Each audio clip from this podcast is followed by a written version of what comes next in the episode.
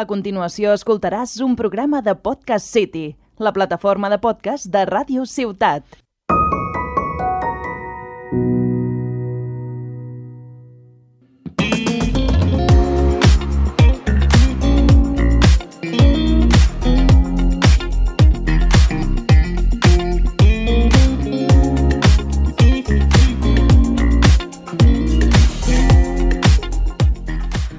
Flamenc sempre ha estat present en les diferents generacions i la generació millennial no es queda enrere, encara que pugui semblar que prefereixi escoltar altres músiques. Jo sóc la Roser Argell i amb la meva companya Ainhoa Farnós avui presentarem artistes que adapten el flamenc als temps que vivim, fusionant-lo amb altres estils. Teniu idea d'on va sorgir el flamenc? Escolteu flamenc en el vostre dia a dia? La veritat, fins fa poc, la Rosa i jo no en teníem massa idea d'això, però hem trobat moltes coses interessants sobre un gènere que encara segueix viu després de cinc segles. I també parlarem de la Rosalia, i és que és un artista que ha estat capaç de fusionar el flamenc amb músiques urbanes, i això l'ha fet arribar a ser coneguda arreu del món.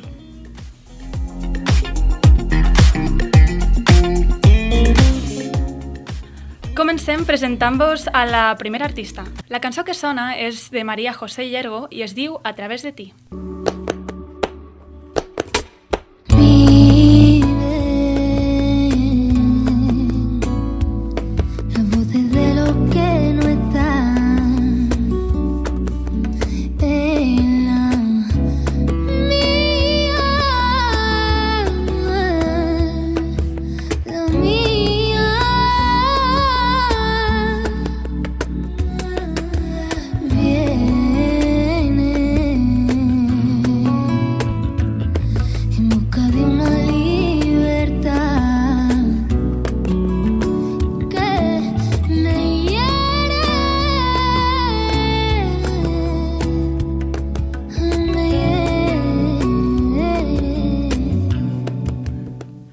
Podríem dir que aquest és un flamenc acústic, més simplista. Comença amb una melodia sola de guitarra a la que s'incorporen les palmes i després la veu de la cantant. Aquests elements, juntament amb el baix, són característics del flamenc. Encara que sembli estrany, però quan va començar aquest gènere eh, no s'utilitzava la, la guitarra acústica que tant reconeixem amb aquest estil de música.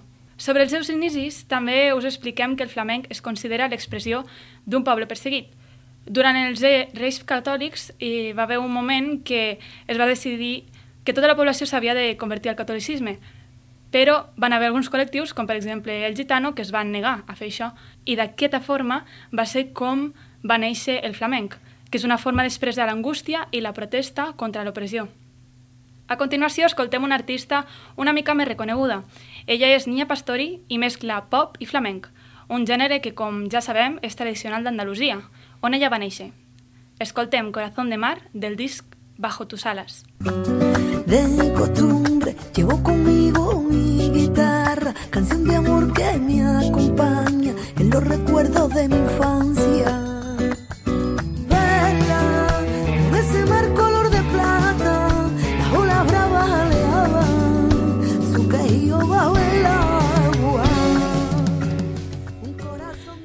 següent artista és un jove cantant del panorama musical actual, que va saltar a la fama amb la col·laboració que va fer amb la cantant dote Natalia Lacuzna. Ella és guitarrica de La Fuente o Álvaro de la Fuente i escoltem la cançó Des de les altures. ¿Quién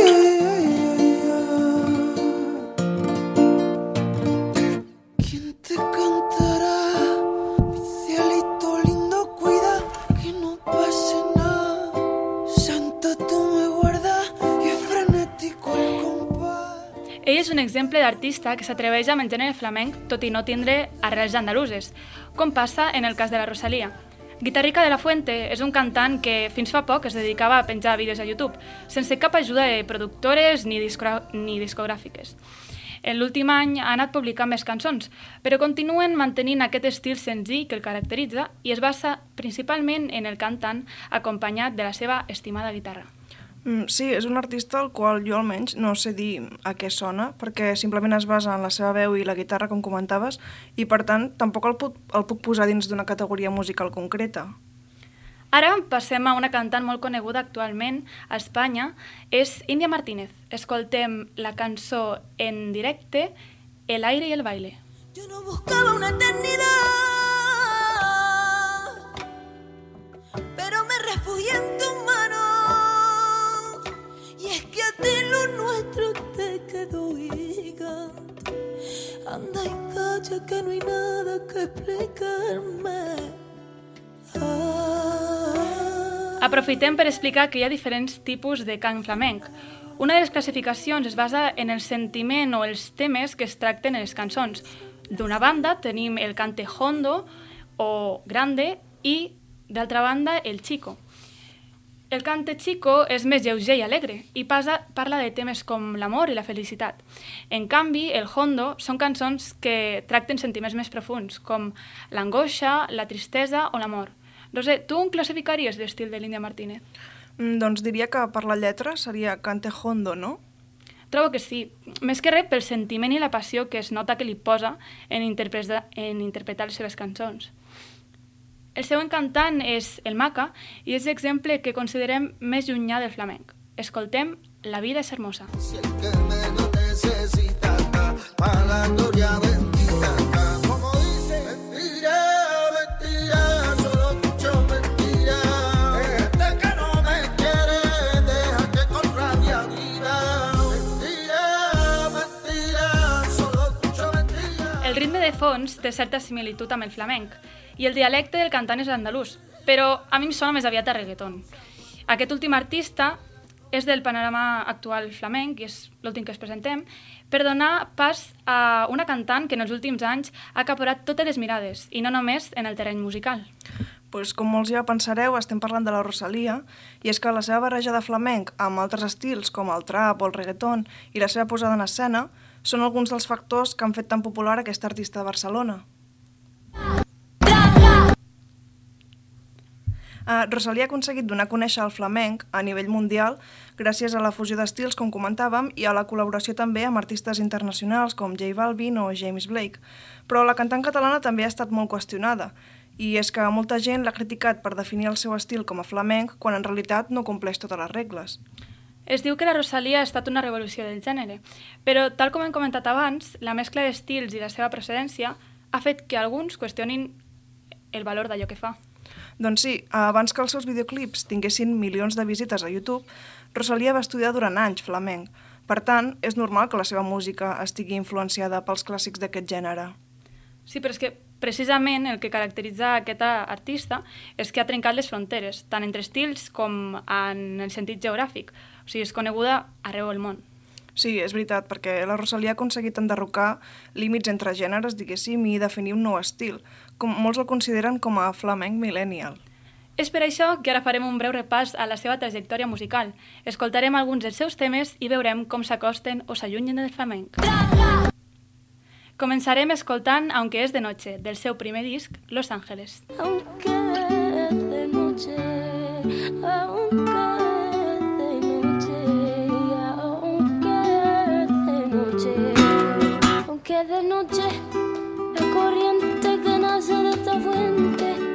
piense que capaz y omnipotente.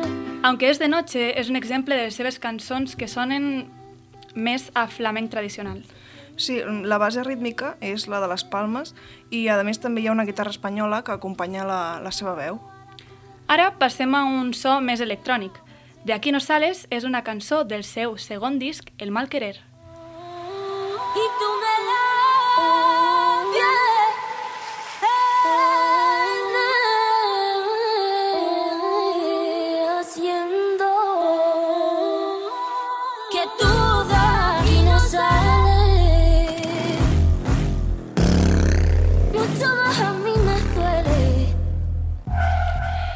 podria dir que és l'extrem en què la Rosalia ha treballat per mm, aproximar-se més a un to més electrònic.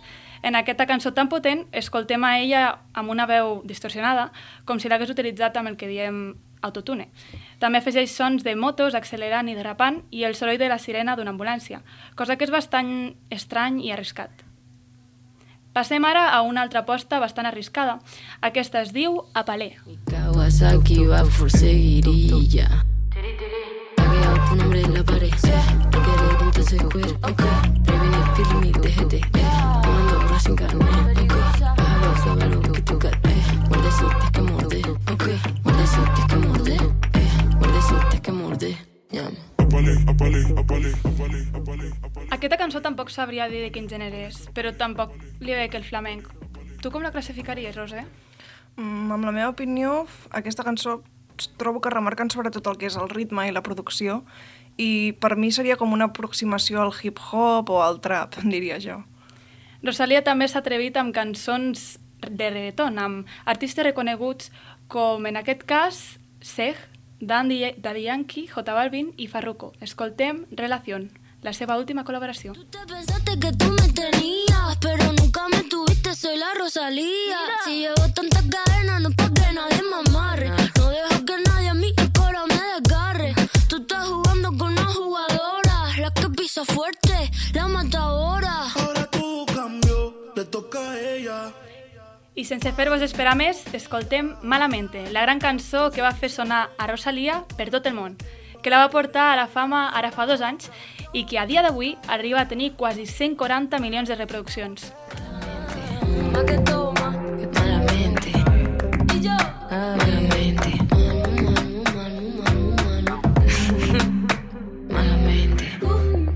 Segur que no és la primera vegada que l'escolteu, però potser no sabíeu que la cançó està plena de simbolismes i recursos musicals.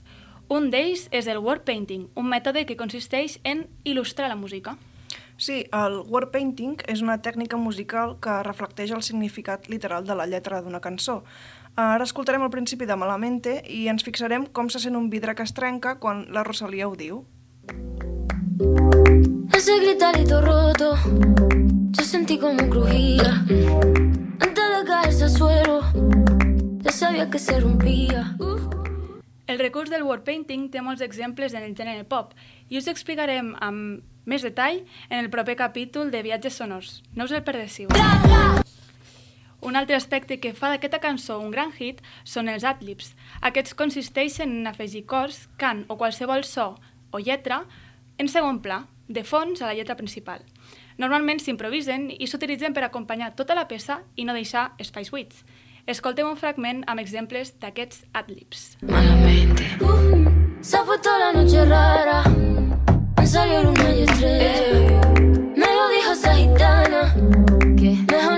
no salir a verla. Sueño que estoy andando por un puente que la acera. Mira, mira, mira, Cuanto más quiero cruzarlo. Doncs, després d'haver comentat tot el que té aquesta cançó, que no són poques coses, parlarem ara també del seu videoclip. I és que quan es va publicar el vídeo de Malamente, es va generar un debat sobre l'apropiació cultural de la cultura gitana i l'andalusa. Què és això de l'apropiació cultural? Doncs l'apropiació cultural és convertir o prendre elements d'una cultura per part de membres d'una altra que normalment acostuma a ser dominant.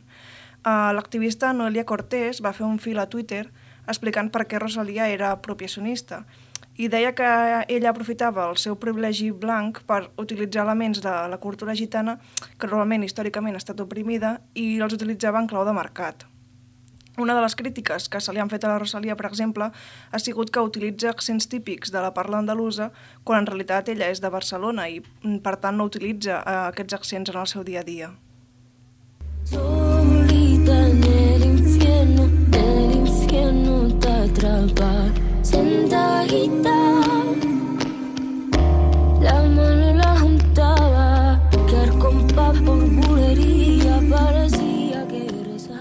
veure si m'he enterat. O sigui, podríem dir que està representant un personatge fictici, o sigui, que imita o falseja una cultura a la que no pertany. Però de totes formes, Rosalia explica moltes vegades que ve d'un barri que és una mescla de cultures, o sigui, que neix- mm, ha crescut amb persones de molts llocs i això l'ha influenciat tant a ella com a persona com en el seu gènere en particular. Um, sí, per ella la música no té res a veure amb el fet territorial. Ella diu que, per exemple, els idiomes són com colors o instruments musicals que tu pots triar a l'hora de fer la teva música. Rosalia ha fet cançons en castellà o en català, però també ha col·laborat cantant en anglès, com per exemple la cançó que escoltarem ara, que és Barefoot in the Park amb James Blake. Needs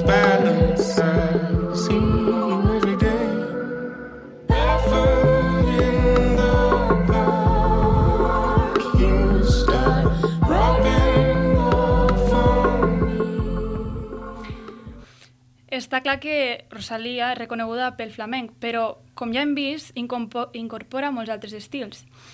Sí que el primer disc que va publicar a Los Angeles va consistir en una aproximació més minimalista a cants tradicionals del flamenc, però des de llavors ha experimentat amb diverses músiques urbanes per crear coses noves, tot i que, segons ella, ja està tot inventat. Hola,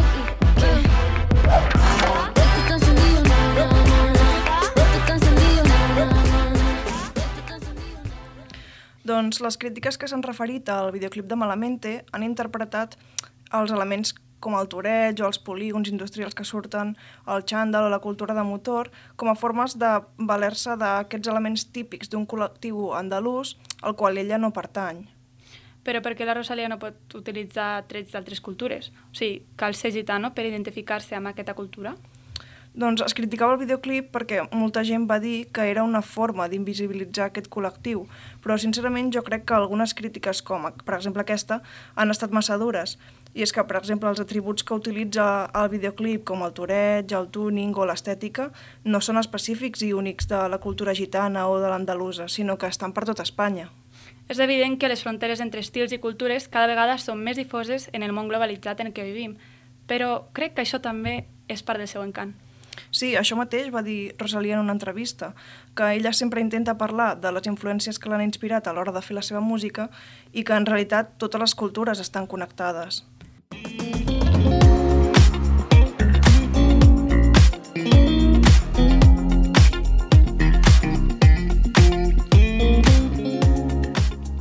Que us hagi agradat aquest capítol sobre el flamenc i us esperem al pròxim programa, on parlarem sobre el pop i el word painting. Gràcies i fins la propera.